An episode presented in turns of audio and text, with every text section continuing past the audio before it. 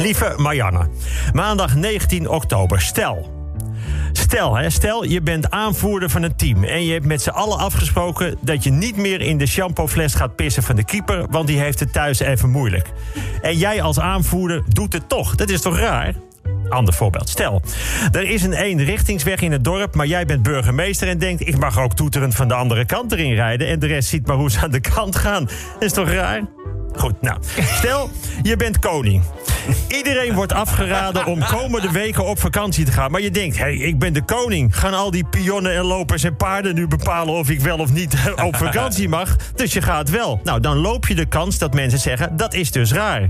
En je kunt als koning niet zeggen: ja, oh, we zitten nu al maanden opgepropt in het kleine kutappartementje. We kunnen geen kant op. Ik wil wel weer eens iets anders dan online een lint doorknippen of digitaal door een nieuw bedrijf lopen. Nee, dat was dus niet zo slim. Of zoals Maxima zou zeggen. Afijn, stel, je staat bij de deur van een huis te wachten op je vriendin die gezegd heeft dat ze even een paar weken bedenktijd wil of ze nog wel door wil met jou. Ze komt eraan lopen en dan ga je eruit schelden voor hoer, smerige teef. En als je niet doet wat ik zeg, dan kom je heel naar aan de beurt. Hoe groot acht jij de kans dat zij dan zegt: Oh schatje, wat fijn dat je het zegt, ik kom weer bij je terug? Nou, stel, en dit is eigenlijk hetzelfde. Je bent het niet eens met de democratisch gekozen regering. Dus je gaat bij de ingang van de Tweede Kamer staan om parlementariërs uit te schelden voor vuile schoften, hoerenzonen, pedofielen en kinderverkrachters. En je gaat staan dreigen met wat je allemaal gaat doen met scherpe voorwerpen en waar je die in gaat steken. Hoe groot denk jij dat de kans is dat iemand dan zegt: Goh, ik heb echt zin om heel erg voor jou op te gaan komen? Nee, toch? nou, even iets anders. Heb je Mathieu van der Poel de Ronde van Vlaanderen zien winnen? Vijf centimeter voor zijn grote rivaal Wout van Aert. Wat een heerlijke sport. Zelfs mijn vrouw zat op het puntje van haar stoel. Terwijl zij het kijken naar wielrennen altijd gebruikt om even helemaal bij te slapen. Maar dit was onwaarschijnlijke opwinding. Juichend zat ze naast me. Ik ben s'avonds gelijk in mijn wielrenbroek naast haar gaan liggen. En inderdaad, ze is gelijk weer in slaap gevallen. Dinsdag 20 oktober, stel. Stel, je bent leraar en je probeert de klas uit te leggen over vrijheid van meningsuiting. En je laat een spotprint van de profeet zien en daarna wordt op straat je hoofd eraf gesneden. Denk je dan dat mensen denken: oh ja, zo komen we inderdaad verder met onze beschaving? Ja, helaas. Er zijn dus mensen die dat denken. Ik vind het allemaal zo jammer. Hè? Ik wilde deze week juist leuk nieuws behandelen. En dan zoek ik altijd naar dierennieuwtjes. Nou, het gaat goed met de krakeend. Daar zijn er steeds meer van, de krakeend. De naam krakeend komt van de Fransen. Die eten graag eend. En als je zijn nek omdraait, dan hoor je krak. Nee. Nou, dat is dus weer geen positief nieuws. Nou, jammer. Misschien dit dan. Vitesse-speler Oussama Tanane kreeg zondag de rode kaart... omdat hij de scheidsrechter heeft uitgescholden. Zeker, Tanane, opgewonden standje. Maar wat heeft hij dan gezegd tegen die scheids? Hij heeft de scheids uitgescholden voor mafkees en clown. Ik heb aan klassen les gegeven, waarbij ik met tranen van geluk de gymzaal uitliep... als ze na drie jaar investeren in taalgebruik zich daartoe beperkte tot mafkees en clown. Dat was een liefdesverklaring aan de leraar. Dan stuurde ik zo iemand niet weg, dan belde ik zijn ouders en riep... Hij zei mafkees, ik zei het toch, het komt allemaal goed.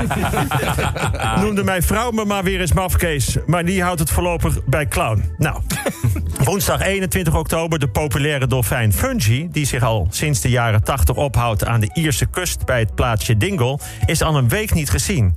Angstige dorpsgenoten zijn inmiddels een zoektocht gestart. Ze zijn bang dat hij op vakantie is naar Griekenland om daar te spelen met zijn lievelingsprinsesjes. Frenkie de Jong heeft zijn contract bij Barcelona met twee jaar verlengd. Als je hem tussendoor wil wegkopen, moet je 400 miljoen betalen. Ik ken dat en daarom zit ik ook nog steeds bij 538. ik heb trouwens een griepprik gehaald gisteren. Uh, een vaccin Punt is wel dat ze dus waarschijnlijk nu een chip bij mij hebben ingespoten. En ze kunnen nu precies zeggen wat zij willen dat ik ga doen. Oh, ik krijg alweer een boodschap door. Als je de letters van Lange Frans door elkaar schudt, krijg je larfgennas. En dat is een insect dat ooit de ark van Noach heeft weggevreten.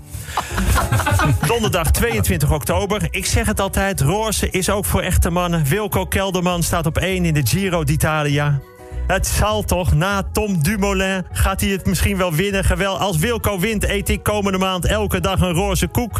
Trouwens, ook als hij niet wint, want ze zijn gewoon heel erg lekker. Nou, het pepernotenrecord van vorig jaar wordt dit jaar niet verbroken. Niet eens geëvenaard. En dat ondanks het feit dat de pepernoten al begin juni in de schappen lagen.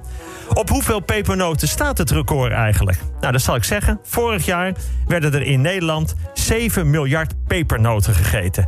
Dat is 411 pepernoten per Nederlander. 411. Die had ik half juni al op. Nou, daar gaat hij. Vrijdag 23 oktober, dit weekend, gaat de wintertijd in. Ja. ja, daar zit ik me ook altijd enorm op te verheugen... om dat eens helder uit te leggen. Dit keer samen met Frank in dit prachtige radio Maar eerst, de vader van mijn goede vriend ging dood. Ik was bij mijn vriend toen hij dat hoorde. Zijn vader, dat was een grote man. Daar keek ik tegenop. Hij was schoolleider van de meest vooruitstrevende school in de Bijlmer. Had de oorlog meegemaakt als jongetje, ondergedoken gezeten. Grote man. Kon prachtig vertellen. Altijd over iets anders, over de ander. Hij kon namelijk prachtig zwijgen over zichzelf. Kon anderen inspireren.